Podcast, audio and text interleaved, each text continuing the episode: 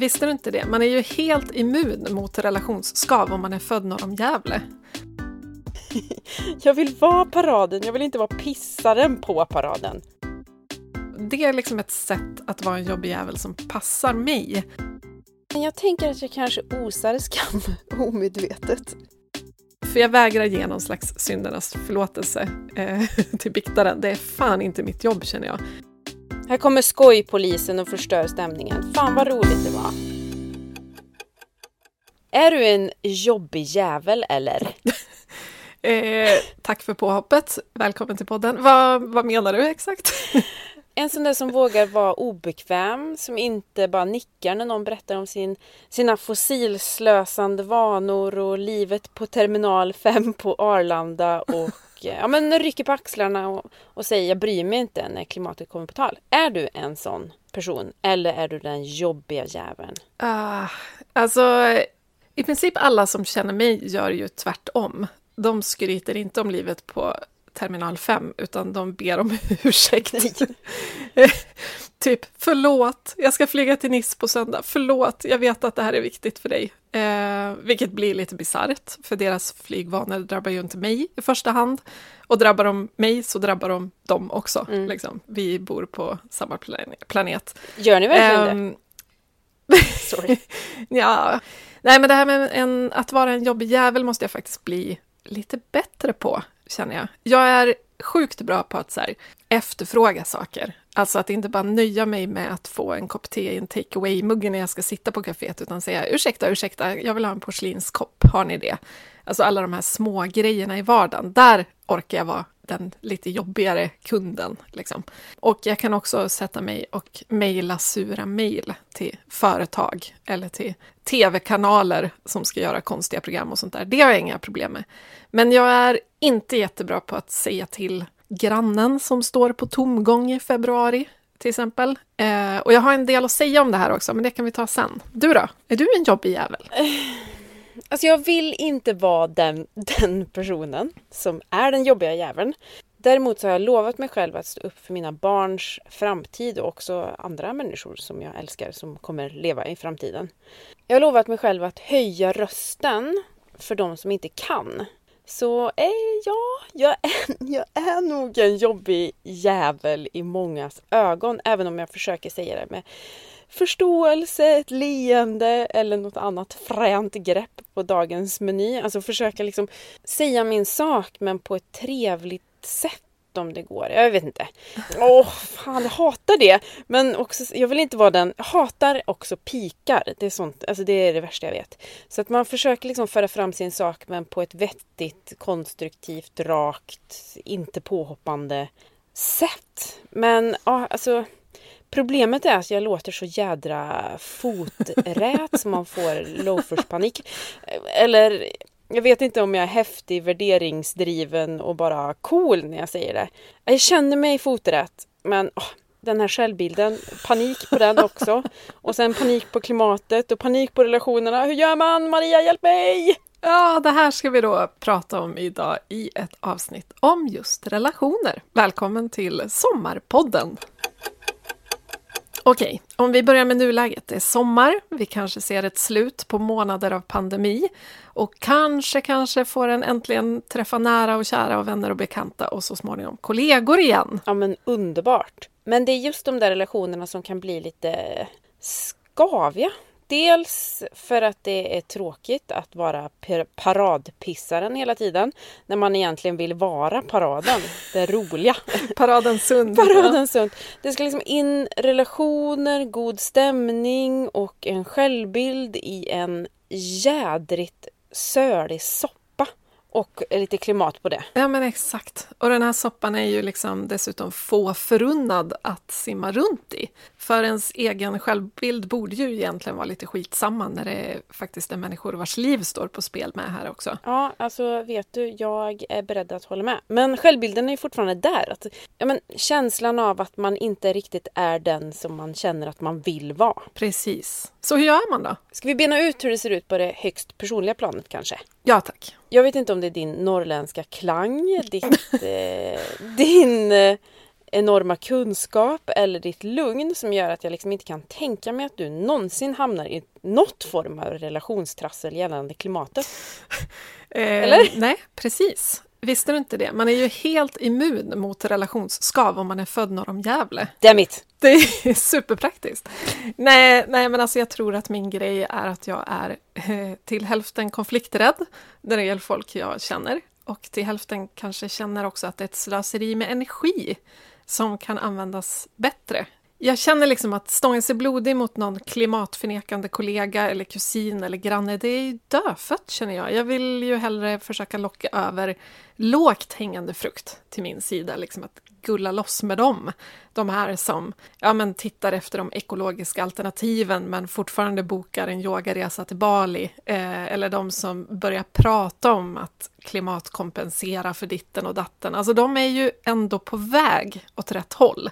Mm. Och jag känner att det är så mycket mer tacksamt att så här, försöka stärka dem i deras resa och så här, ja, men putta dem lite i rätt riktning och nudga på där. Det är tacksamt för de är mottagliga. Jag, den här typ farbrorn, jag har ingen farbror, men den här sura farbrorn som till varje pris ska racka ner på Greta, alltså hålla på. Jag vet inte, jag tycker det känns... Jag, jag vill ägna min tid åt att locka med det göttiga livet efter omställningen och klimatförnekarna tänker jag trilla ner när det bara är de kvar på trädet. Ja De bra. bara trillar ner med en smäll. Den ruttna frukten sist. Exakt. Vem vill hålla på och ägna tid åt att plocka den? Liksom? Ja. Ja. Nej, men hur står det till med relationstrassel för dig då? Ja, men jag kanske önskar att jag var lite som du. Jag tänker ändå att det är liksom ditt lugn. Som så här, eh, resonligt. Ja men, ja, men jag tänker att det är ditt, ditt lugn som gör att du liksom ser saker med perspektiv. Jag känner mig mer som fäktaren Sum som liksom går med en gard. Eh, nej, alltså nu låter det som att jag går in i, i liksom att jag liksom lyfter svärdet så fort jag bara kan och så är det ju såklart inte. Man, det är lite olika. Vissa dagar så kan man ta vissa saker och andra dagar så klarar man inte av det. Jag värnar mina relationer men däremot så upplever jag en del skav. Alltså skav i relationen men framförallt skav hos mig kanske. När då? då? Ja, men jag känner skav när jag själv inte är den person som jag vill vara. Alltså när jag är den jobbiga jäveln i situationer där jag var en härlig person förut. Alltså på fest eller på middagen eller ja, men alla de här äh, tillfällena där man var en del av den goda stämningen. Och så kanske ämnet klimat kommer upp och då kan inte jag hålla käften. Och då blir jag obekväm. Och jag vill inte vara det. Jag vill vara liksom... jag vill vara paraden. Jag vill inte vara pissaren på paraden. Hänger du med? Ja, men verkligen. Party pooper, det är ju inte en jättetacksam roll. Du får vara diskjockey och du får vara party pooper. Bara, kul, tack för den rollen. Nej, jag fattar precis vad du Nej. menar. Och jag, nu kom det någon annan konstig liknelse i mitt huvud, men att snacka klimat nu, det är väl lite som när man hamnar i en situation när någon säger någonting sexistiskt Mm. eller rasistiskt. Att man så här, känner att det är ens medborgerliga plikt på något vis att inte låta det passera. Mm. Kan du känna igen dig i det? Ja. Att så här, liksom, nu är det en elefant här i rummet, någon måste ju påpeka det. Liksom. Ja men det uppstår ett skav och sen så bollas det om vem som ska ha skavet. Jag menar om inte jag säger någonting då känner jag mig som en urusel människa och får skav. Mm, exakt. Och om jag, om jag säger någonting så skapar jag skav hos förmodligen den andra. Exakt. Åh. Och ska en ha skav ska alla ha skav, kan jag ju tycka. Men, alltså, nej, men jag förstår verkligen vad du menar. Och jag kan nog faktiskt känna det mest kanske när det gäller ytligt bekanta, tror jag. Ja, men Facebook-vänner som jag inte träffar jätteofta i real life, men som man håller på att likea och kommentera och ha trevlig stämning med på internet. Och sen så lägger de alltid upp foton på när de checkar in på Arlanda eller doppar fossingarna i poolen vid Medelhavet. Liksom. Och alla säger åh vad härligt det ser ut, ha det så fint. Så här. Och, Det är du värd. Ja men exakt, och då känner jag så här, men snälla nån, nu är du kvar i en faktiskt ganska gammal och omodern uppfattning om att man ska skryta om sina utsläpp. Och jag tycker det känns helt himla dammigt och uråldrigt att hålla på så nu. Eh, och då kliar det ju liksom i fingrarna att påpeka att ja, ha det så kul, men där gick vi ju back ett ton koldioxid eller så. Tack Mm. för den. Men även där känner jag ju att det förmodligen inte tjänar något till. Utan det som kommer hända är att den här personens liksom SD-farbror kommer att sätta en sån här hånskratt-smiley på min kommentar. Eh, det här har hänt. Mm. Du vet, det känns bara o, ovärt. Det är inte en fight. Alltså, jag kommer ju också få ett hjärta av någon Mm. av den här personens kompisar som också oroar sig för klimatet och känner gud vad skönt att hon sa det, nu slipper jag. Mm. Och så sätter man ett hjärta på min kommentar istället. Så att på det sättet gör jag väl någon slags nytta för att andra ser att de inte är ensamma om att uppleva skav när man ser det här. Men jag känner bara att så här, energin det tar att bara skriva något som man vet, folk kommer bara att racka ner på det här eller borsta av sig det liksom. Det- Jag vet inte om jag tycker det är värt det. Det blir skav hur man än gör. Ja, och jag blir mer och mer sparsam med min energi, känner jag. Mm. Att jag liksom inte pallar att slösa den på fighter jag vet att jag kommer förlora, utan jag måste spara energin till där jag känner att jag faktiskt kan göra skillnad. Känner du att du gör skillnad att ta en sån fight? Nej, det här tycker jag är så jädra svårt. Så nu pratar vi ju Facebook då, eller sociala medier. Mm. Och på ett sätt så vill jag liksom inte att normen ska fortgå. Alltså så här, att det ska fortsätta vara okej. Alltså jag tänker att folk testar läget. Liksom. Ja men det är det fortfarande okej att liksom lägga ut flygplansvingen. Och så länge ingen säger ifrån så verkar det vara okej. Och där vill väl jag vara kilen. Men samtidigt så... Kul att jag tyckte du sa att du ville vara kylen nu. Kilen. Jag kan vara frysen då. Ja, men jag, ja, men, ja, jag tycker det är skitsvårt men jag skulle aldrig gå på enskilda personer bara för sakens skull, tror jag. Det beror kanske på vad man har för relation. Det är väl mest när man hamnar i IRL-samtal, tänker jag. Som när jag var på en städdag i bostadsrättsföreningen under pandemin. Eh, vi står på innergården och alla berättar om deras flygresor som blivit inställda på grund av pandemin och hoppet om att allt bara ska starta igång igen som förut så att folk kan åka eh, över hela jordklotet på sin semester igen. Ja, men då kan jag inte hålla käften. Alltså då går det inte. Och då säger jag glatt så här, ja men det, hop- jag hoppas inte det startar igång som förut. Jag hoppas att vi har lärt oss någonting av det här tvärstoppet och att vi går ett varv runt kvarteret. Och det, ah fy fasen, då är jag ju obekväm. Ja, det förstår jag. Det skulle jag också vara. Men det är ju samtidigt som du säger, då är det ju mer, då är det liksom inte att så här, hoppa på och typ klimattrolla eh, en enstaka individ som, Nej. som bara åkt på semester, utan då är det ju liksom mer ett fenomen. Att ni pratar om att så här, åh vad det ska bli härligt när allt återgår till det normala, och du bara, eh, nej. Nej. Alltså det blir inte utpekande på samma sätt, utan det kanske väcker lite tankar. Det kan jag tycka är mycket både enklare och lättare, även om det blir lite så här, ja, där sänktes temperaturen på den här städdagen med 0,2 grader. Alla gick hem. Ingen vill vara med på städdagen i fortsättningen. När Emma Sund är med. Vad fan. Nej, Men då måste man ju överkompensera på andra plan genom att vara skithärlig och glad och trevlig och social. Apropå att ta energi, liksom. Ja, man bara, jag tar lite energi men jag ger tillbaka dubbelt upp. Ni, det är ingen fara. Men desto mer liksom knapprar jag på tangentbordet när det, när det liksom handlar om företag eller lokaltidningen. Alltså senast eh, så var det lokaltidningen som satte rubriken 50-plussarna ska lyfta flygplatsen. Och det fanns liksom inte ett uns till klimatanalys i texten eller eh, någon fråga som berörde eh, utsläpp eller någonting. Utan det var bara en positiv liksom, nyhet om att alla 50-plussarna bokar charter så in i helvete och det är så jädra bra för den regionala och kommunala flygplatsen.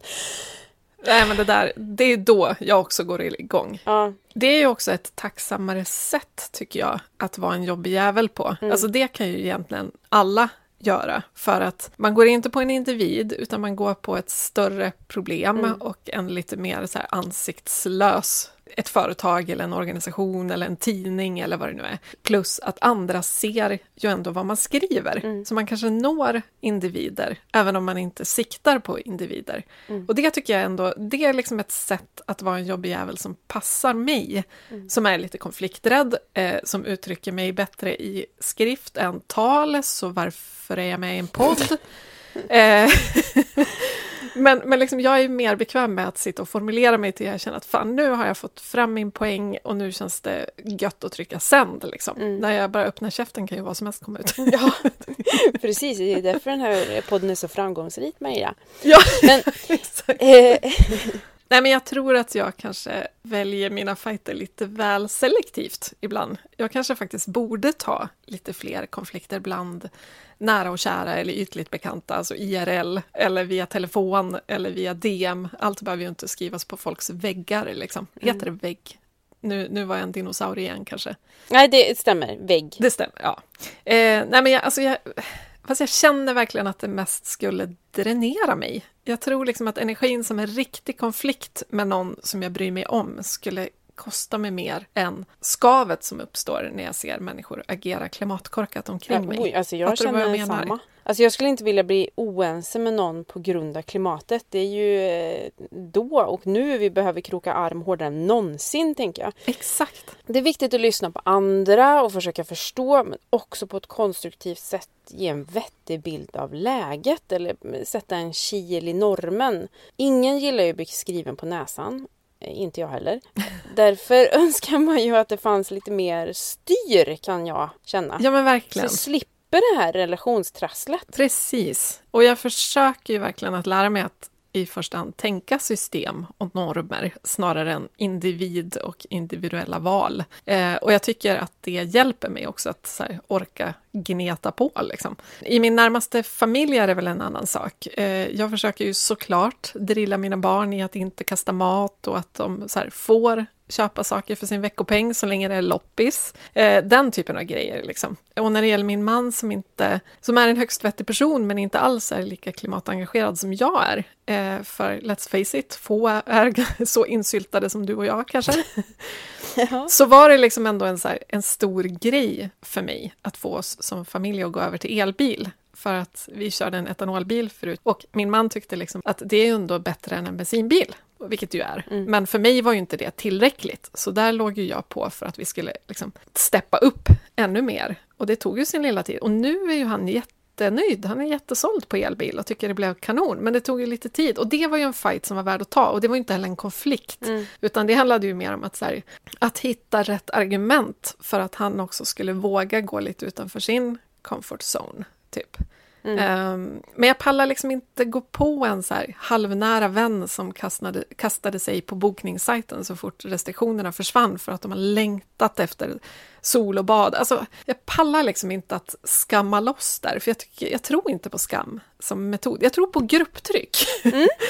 Det, det kanske får mig att känna som en härlig person. Nej, eh, Nej men så här, om alla den personens kompisar Mm. plötsligt skulle börja åka tåg, då tror jag inte den personen skulle kasta sig på flygbokarknappen. Mm. Utan då skulle det nog kännas lite så här, oj, det känns som att jag har missat att vi har ändrat transportsätt här Mm. allihop. Liksom. Eh, så jag tror ju ännu mer då på att locka över lågt hängande frukt, att ta tåget och peppa dem att prata om det och visa upp bilder och berätta hur härligt det är. Och så hoppas man liksom att frukt efter frukt hakar på. Mm. Man vill vara med i matchen. Exakt. Eh, Man vill ju inte vara sist på bollen. Alltså det är ju Nej. skittråkigt. Då är man ju en dinosaurie. Ängsliga svenskar som inte ens vill vara mainstream och vi vill ju absolut inte vara någon slags klimatboomer. Liksom. Nej, gud nej. Eh, men tror du på skam?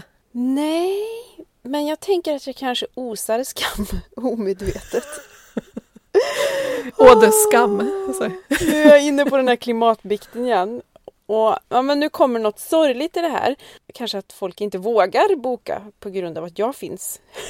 Deras närhet. Gud, Ja, men hemskt. då är det ju effektivt grupptryck. Ja, en inte. person lyckas. Ja, men, men det är ju något väldigt, väldigt sorgligt i det här.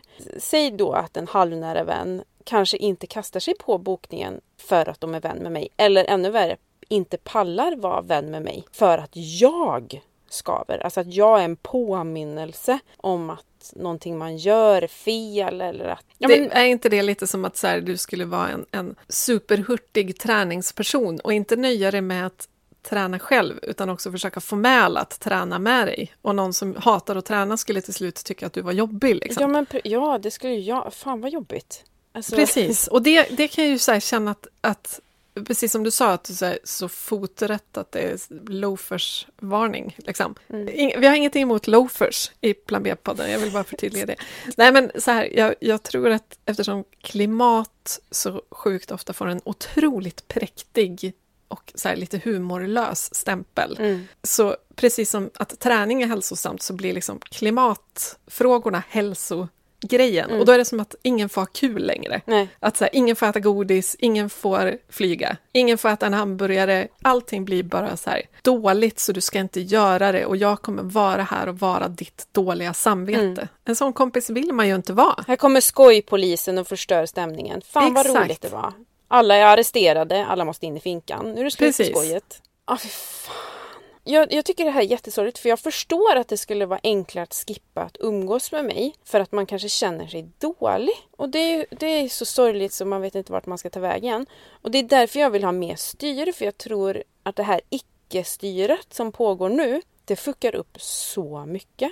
Ja, men dels klimat och miljö men också relationer. Alltså att det sätter dåliga, dåliga kilar i det här samhället. Tänk om det fanns styr kring vad man fick göra och inte fick göra. Då slapp jag vara partypoopern, eh, paradpissaren och liksom klimat och skojpolisen. Alltså gud vad skönt. Då kan ju jag liksom inom ramarna jag får ha kul. Ja men verkligen. Och vara den roliga på festen. Exakt. Men okej. Okay. Det, det är nog kanske därför jag också känner att jag inte vill ta konflikter i onödan. Det är väl inte i onödan, men liksom, jag vill inte skapa konflikter om jag kan slippa. Och det, det är delvis för att jag är konflikträdd. Men jag tror också att jag, jag gör mer nytta om jag får stanna kvar i den här personens bekantskapskrets mm. än att jag blir utesluten för att jag är för jobbig. Mm. För att jag tänker att så länge vi ändå är på någon slags god fot med varandra och att jag låter vissa saker passera fast det egentligen kliar i mig och jag vill bara säga sluta flyg eller vad det nu är. Mm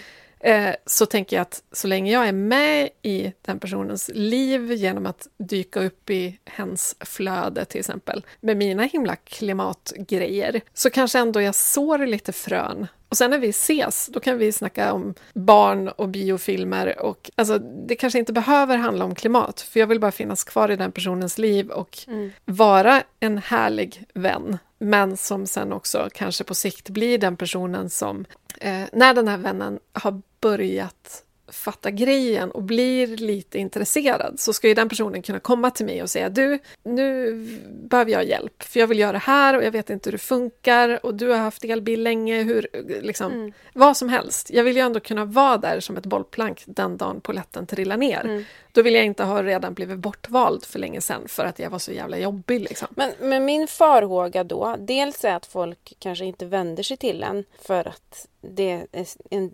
skamligt att, att känna att man så vaknat sent? Ja, men också, ja precis, att man vill liksom äga äga frågan på något vis. Eh, det, det, tänker jag är ganska vanligt i vårt samhälle. Men sen så tänker jag också på det här med att man behöver liksom inte ens ta upp frågan aktivt. Alltså som jag har varit inne på. Jag osar nog saker ut, helt omedvetet. Jag tänker nog att jag kan få folk att känna sig dåliga bara genom min uppenbarelse. För att jag tror att folk vet Ja, men jag driver en podd, jag skriver böcker, jag driver sociala kanaler, jag är grundare av Klimatklubben. Alltså, jo men det fattar jag såklart. Jag, jag, tror att jag skapar skav liksom. Och det är ju det som är problemet. Jag vill inte att någon ska känna sig mm. dålig i mitt sällskap. Och det är ju det som liksom är problemet. Jag vill också vara med i de här viktiga personerna och härliga personernas liv. Men vill de ha mig kvar? Men är oh! inte det, alltså det Galet. tänker jag ändå att du, det kanske är så att så här, ah, nu kommer Emma, bäst vi inte prata flyg. Liksom. Mm. Men om du sen inte kommer in med en garde, utan att du bara kommer in och säger åh gud vad trevligt att ses och vilken god mat och liksom mm. alltså är en vanlis jo, men det, och det på, är ju på ju. festen. Ja. Så, så tänker jag att man inser att så här, men du är också människa, du är inte bara någon slags klimatsamvete som går runt på två ben. Nej men exakt. Till mitt försvar är att jag fäktar ju uppåt. Ja, ja men jag med. Och- Och sen när jag möter människor så gör jag det på ett trevligt sätt. Det är ju så, inte så att jag går till attack. Det är ju väldigt otrevligt. Men, men åter till skammen då, för det var ju det frågan handlar om. Om det funkar, Mm. det funkar, det funkar på mig. Det har eh, banne mig inte varit sköj. Men eh, jag skulle nog aldrig ha varit där jag är idag om det inte vore så att följare ställt de här jobbiga frågorna som man inte haft något vettigt svar på. Så jag vill inte ge någon annan skam, eh, inte ens omedvetet. Däremot är jag en lätt måltavla för det själv, Mm. helt klart. Ja, det är jag också. Ja, men sen så tror jag att begreppet är lite störligt, alltså begreppet skam. För om jag säger att jag inte flyger så säger ju inte jag det för att skapa skam hos någon annan. Nej, Skammen ligger ju hos den som tycker det är jobbigt att hen fortfarande flyger. Hänger du med? ja, ja, ja. Oh, ja. Så att det är ju mycket hos mottagaren också, även om man liksom aktivt inte... Även om jag aktivt liksom försöker att inte skamma någon så kan det ju uppstå skav eller skam. Ja, men verkligen. Sen så, det här tycker jag faktiskt är väldigt viktigt. Jag tror att vi måste påminna oss om, om att personer som skammar, det är inte de som har uppfunnit klimatkrisen. De skammar förmodligen inte för att vara elaka utan för att de är jävligt stressade på grund av en fruktansvärd situation. Och att ibland så kan man inte hålla känslorna i styr. Nej, men verkligen. Jag håller helt med. Så, Jag vet att det är skitsvårt och det är lätt att säga att man ska försöka förstå det. Jag hoppas att ingen vill sätta dit någon, utan det handlar om ren klimatstress. Sen kan man ju såklart förmedla fakta på ett mer eller mindre smidigt sätt. eh, ja. det lugna norrländska diplomatiska sättet. Jag måste säga att jag föredrar Maria Soxbos sätt eh, alla gånger. Det är väldigt smidigt tycker jag. Kan jag få ta upp något som verkligen skaver för mig? Ehm, både du och jag är ju influencers i någon mening, även om vi jobbar hårt på att få in ordet greenfluencer i Saul istället. Men när man, som Mm. jag har bloggat i typ vad det nu är, 14 år, de har ju fått ett ganska stort nätverk av influencerkollegor som man är mer eller mindre bekanta med online och ibland i verkligheten också. Och där skaver det ofta som fan, tyvärr. Alltså allt möjligt skaver där, att se, ut, se hur de gör samarbeten som går ut på att köpa saker som följarna inte behöver och som säkert inte är så bra producerade alla gånger och så vidare.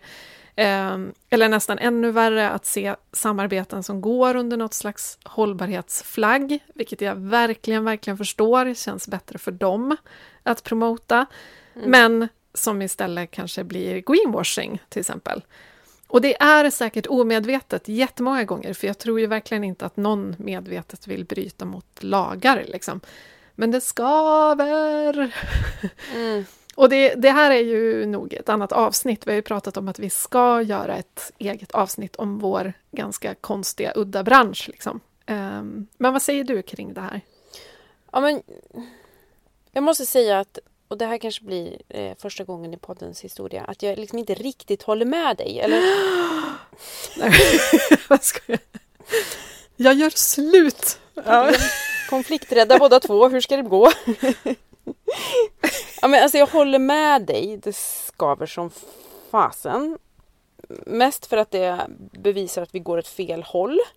Och jag har verkligen, verkligen haft perioder där jag har liksom kommenterat och, och försökt ändra och, eh, inte ska jag säga kommentera, men jag har verkligen, verkligen haft perioder då jag har fäktats vilt eller snarare så här kommenterat eller lagt en, en, en liksom lite i kommentar som kanske är lite obekväm i, i kommentarsfältet. För att jag har haft sån satans klimatångest och inte vetat vad jag ska göra. Alltså att det liksom bubblar över på något vis. Men när det gäller influencers så har jag insett att jag vill vara mer en god stig. En stig som jag trampar upp och alla är välkomna att hänga på. Alltså typ det sättet som du har mot dina nära och kära kanske. Och det är kanske för att vi inte känner varandra utan och innan jag och influencers kollegor. Jag vill, jag vill vara en varm famn. Mm. Mina vänner vet förhoppningsvis att jag är en varm famn men vet att jag har mina viktiga ämnen som jag ibland måste påpeka. Ja. Och att de gillar mig trots allt. Liksom. Nej men alltså, jag, jag går ju inte heller på influencerkollegor och liksom rackar ner på deras samarbeten. Det är ju, liksom, det är ju det, den som betalar deras hyra ofta. Mm. Eh, så att jag fattar ju att det är en resa som jag också har gjort. Gud, jag jag har verkligen, verkligen inte bara 100% okej samarbeten på mitt, mitt samvete liksom. Eh, så att det, jag har verkligen, verkligen förståelse för att alla har kommit olika långt i sin resa och så vidare. Eh, och jag försöker också vara den här goa stigen, var det det man skulle vara? Mm. Det, det är ju liksom, det är klart man vill vara den. Det, det enda som, som skiljer influencers från så andra liksom, vänner eller ytligt bekanta eller före detta kollegor eller sådär, som jag då försöker vara den här härliga personen för, som lockar, liksom, är ju att ja, men en influencer är inte bara en individ, Mm. eftersom deras, eller våra, vi är också influencers, val påverkar så otroligt många fler än vad gemene mans val gör. Mm. En vanlig person som flyger någonstans och lägger upp det på Facebook och har kanske ett par hundra Facebook-kompisar och sen ställer algoritmen till det så att det är tolv som ser det här inlägget. Liksom. Det, det påverkar ju, eh, men det påverkar ju inte som att ha 55 000 följare och få betalt för att sälja in det här så effektivt det bara går. Mm. Eh, att verkligen försöka konvertera folk, alltså konvertera till köp. Mm. Det är ju något annat och det är därför det skaver så mycket mer hos mig tror jag. För det är inte individen utan plötsligt är det ju ett företag. Mm. Eh, Ja, tjäna, så att- tjäna pengar på andras konsumtion genom Exakt. adlinks och så. Jo men det är klart, alltså, jag håller med, det skaver och jag, har, jag tror att jag fortfarande håller på att liksom försöka klura ut min roll i det här. För jag tror också att jag är en, den här osande, jobbiga jäveln även om jag liksom inte kommenterar rakt ut. Eh, men det är klart att om, om någon med 100 000 följare skulle ge sig på liksom en mer hållbar resa skulle det påverka asmånga. Det är inget snack om saken. Det måste jag ändå säga att jag menar, anledningen, till, anledningen till att jag sitter och snackar i den här podden eller att man har skrivit böcker eller att vi startade Klimatklubben. Det beror ju på att vi har haft följare. Nu pratar jag både för dig och mig. ja, Att vi har haft följare Exakt. som faktiskt har kommenterat hos oss. Och pushat åt framåt. Och det, som sagt, det har inte alltid varit eh, beautiful. Eh, men jag har verkligen uppskattat de som har skrivit någonting i stil med Ja men jag gillar dina kanaler men just här tror jag att det kanske har tänkt lite fel.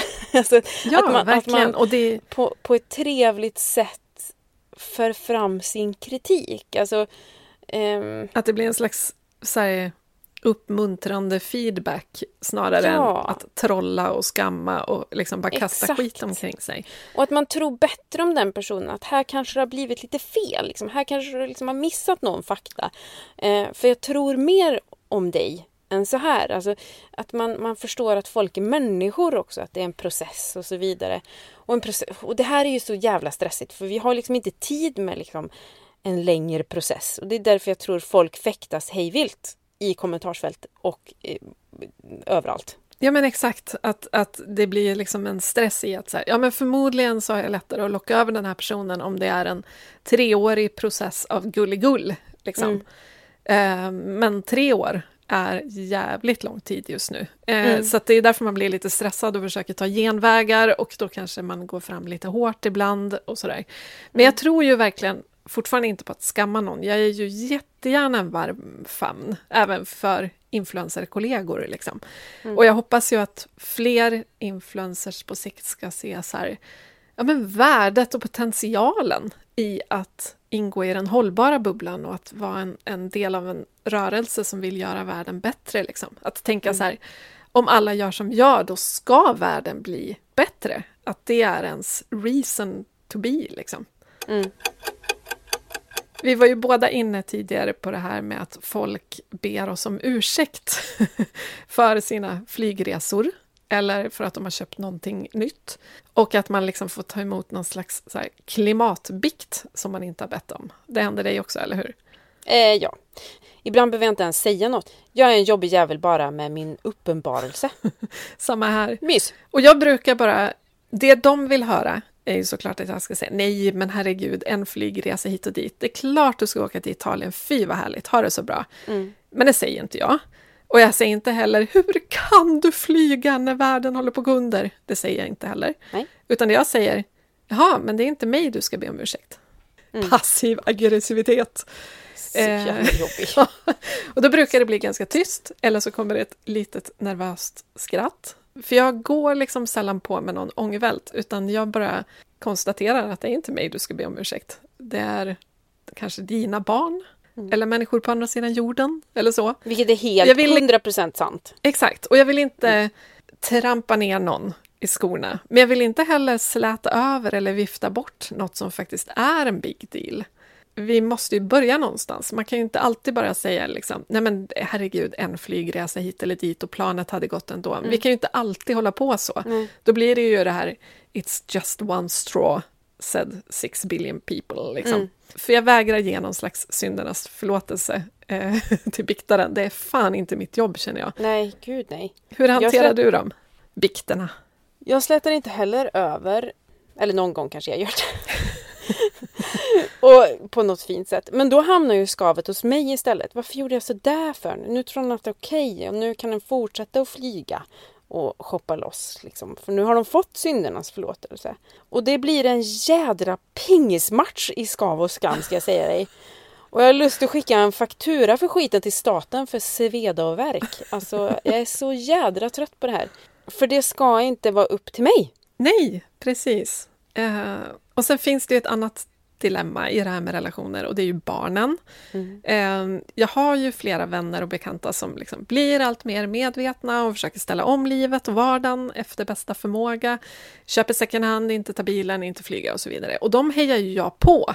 Jag är ju som en liten så här, ettrig hejaklack som bara heja, heja, heja, tappa inte modet, kämpa på, kämpa på, så här, helt galen.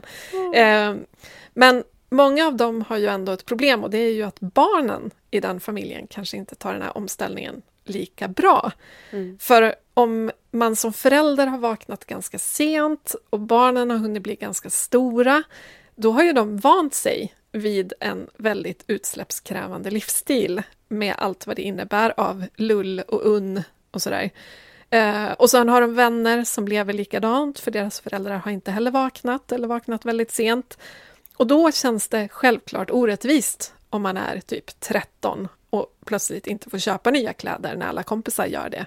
Jag fattar det. Det är ju liksom för barnens skull på sikt. Eh, de kommer ju säkert att tacka en i framtiden för att man vaknade till slut i alla fall. Men just nu är man ju bara en taskig förälder då.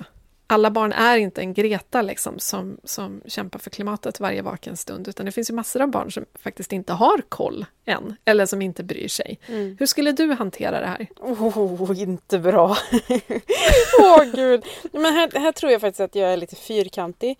Men det är väl bara att svälja. Ja. Herregud. Vi är privilegierade som tusan. Kidsen kommer att leva i ett land som inte drabbas lika hårt som andra länder. Och ah, lite omställning får en liksom bara ta för det bygger kås. Men alltså jag fattar ju grejen såklart. Men jag tänker att det är viktigt att sätt, jag tänker att det är viktigt att sätta saker i perspektiv. Ja. En bekant berättade häromdagen att hennes barn hade svårt att äta vegetariskt för de älskade köttbullar och falukorv. Ja men let them eat pannkaka då. Alltså, så här, jag tänker att man inte behöver problematisera så mycket utan nu är det så här.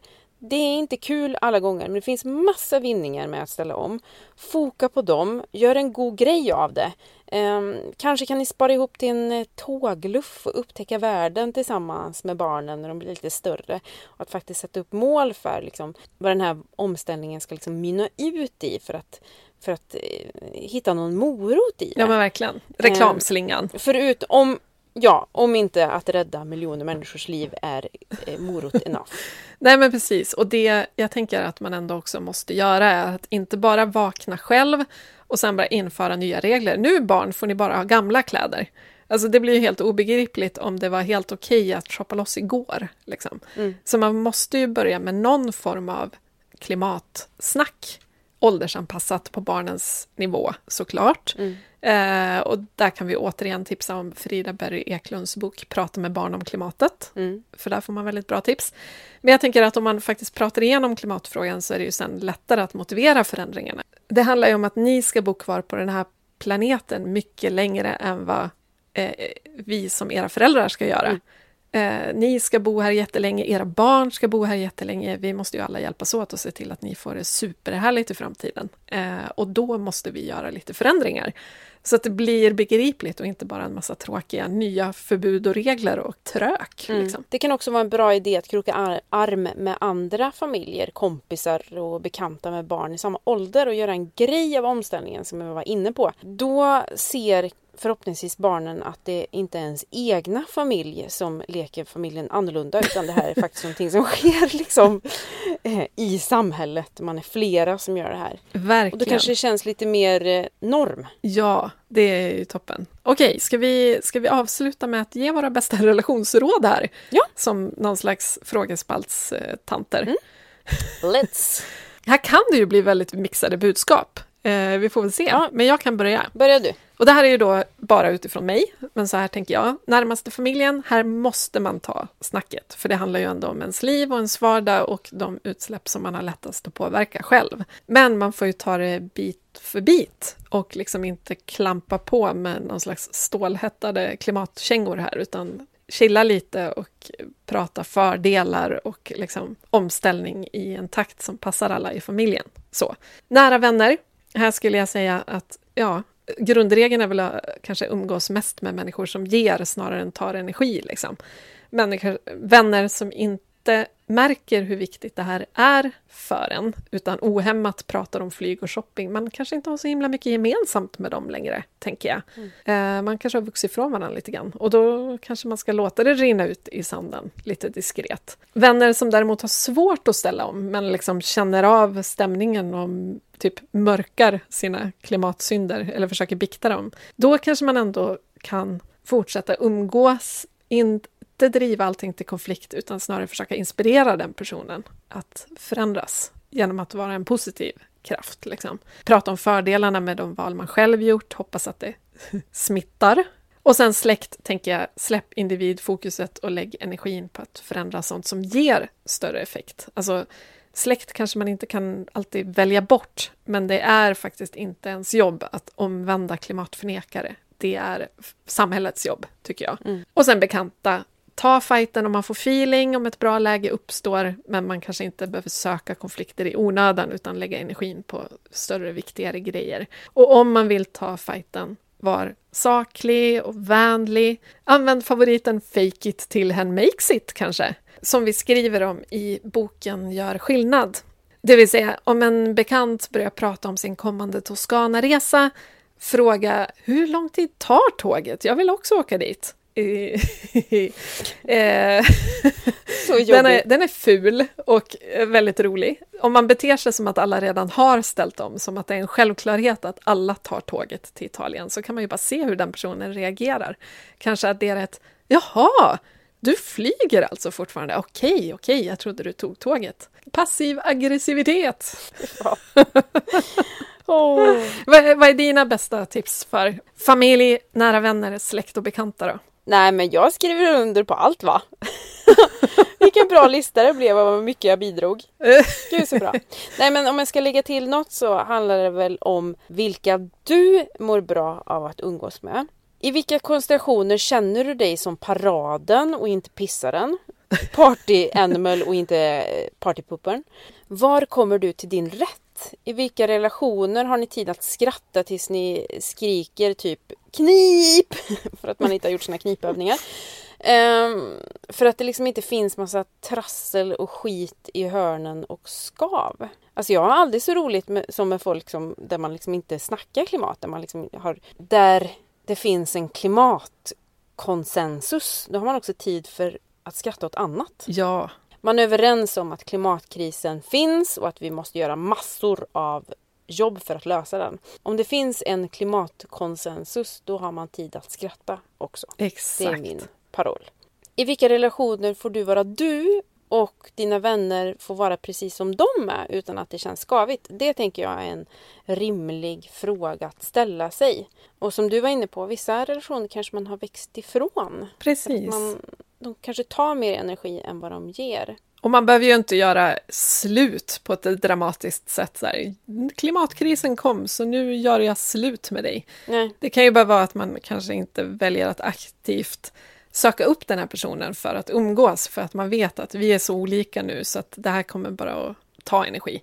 Mm. Utan att man, man ses när man ses, om man ses. Och i övrigt så lägger man sin tid på relationer som faktiskt ger energi istället. Om man har svårt att hitta de där relationerna där det finns klimatkonsensus så kanske det är läge att starta en lokal klimatklubb i din kommun och hitta fler som tänker som du. Det var mina tips och jag måste bara säga att jag har många vänner där det inte finns ett uns av skav. Där en också på ett käftigt sätt kan säga och snacka om klimat utan att det blir skavsår. Eh, Lisa, du lyssnar nu va? man är typ som så här, syskon. Där man bara är så här, men fan, nej, så kan du inte tänka. Alltså så här, att man, man har kommit till en gräns där det liksom inte finns, det finns liksom inget som kan såra varandra. Är det, är det, det låter jättehemskt. Nej men jag fattar Eh, precis vad du menar. Ja. Man har kommit liksom till, till en relation som är så öppen och där det finns så högt i tak att ingen mår dåligt av att man tjafsar lite. Det behöver liksom inte bli en konflikt. Precis. Jag säger bara mer sånt. Och det är samma sak med dig Maria. Jag tar liksom aldrig illa upp över någonting du säger för jag vet att du tar min rygg och du håller på mig och det är liksom essensen i relationen tycker jag. Att man tar hand om varandra och värnar om varandra. Och när relationerna inte gör det, då är det dags att göra slut. Ja men right back at you. Det känns ju liksom tryggt att säga exakt vad som helst till dig. Även när jag känner att så här, fan nu är jag ute på hal is tror jag. Eh, och då skulle det vara kanske jobbigt att outa det i vissa sammanhang för att man är rädd för att då få säga vadå, gör du sånt? Du är ju så här klimatperson. Eh, och att det känns så här otryggt att blotta sina svagheter till exempel. Eh, men med dig kan jag ju säga sånt, för jag känner ju att dels att du vet var jag står, du vet att jag är människa, jag gör fel ibland eh, och framförallt att du kan backa mig när jag svajar eller tvivlar på något och du kan också pusha mig när jag behöver det. Att om jag börjar svaja på ett sätt som är liksom knäppt, då kan ju du bara säga men skärp det, det är klart du inte ska göra det där. Liksom. Det är så skönt att ha sådana relationer. Men skärp dig! En sån vänlig klimatpolis borde alla ha i sina liv. Nej men okej, men nu är det dags att runda av för det här avsnittet verkar bli längre än vad vi hade tänkt att sommarpoddarna Ja. skulle bli. Relationer, det är ett ämne som kräver sin tid. Dela gärna med er av era tankar kring relationsskav och hur ni hanterar det på vårt Instagramkonto Plan B-podden. Ja, ni kanske inte alls håller med oss eller så gör ni det eller har nya infallsvinklar. Maila oss allt det här på planbpodden gmail.com så kan vi också ta upp det i ett kommande avsnitt. Eller om ni fått eh, nog av relationsråd och vill att vi ska snacka typ eh, förpackningar eller eh, vitvaror eller husbygge eller whatever. Något som inte har med känslor eller att någon kan bli kränkt. Om ni har förslag på sådana avsnitt så, så mejla dem också. Ja, och sommarpoddarna rullar vidare. Nästa kommer ut om ungefär två veckor och då blir det en ny frågepodd minsann. Ha det fint till dess allihop. Hej då! Hej!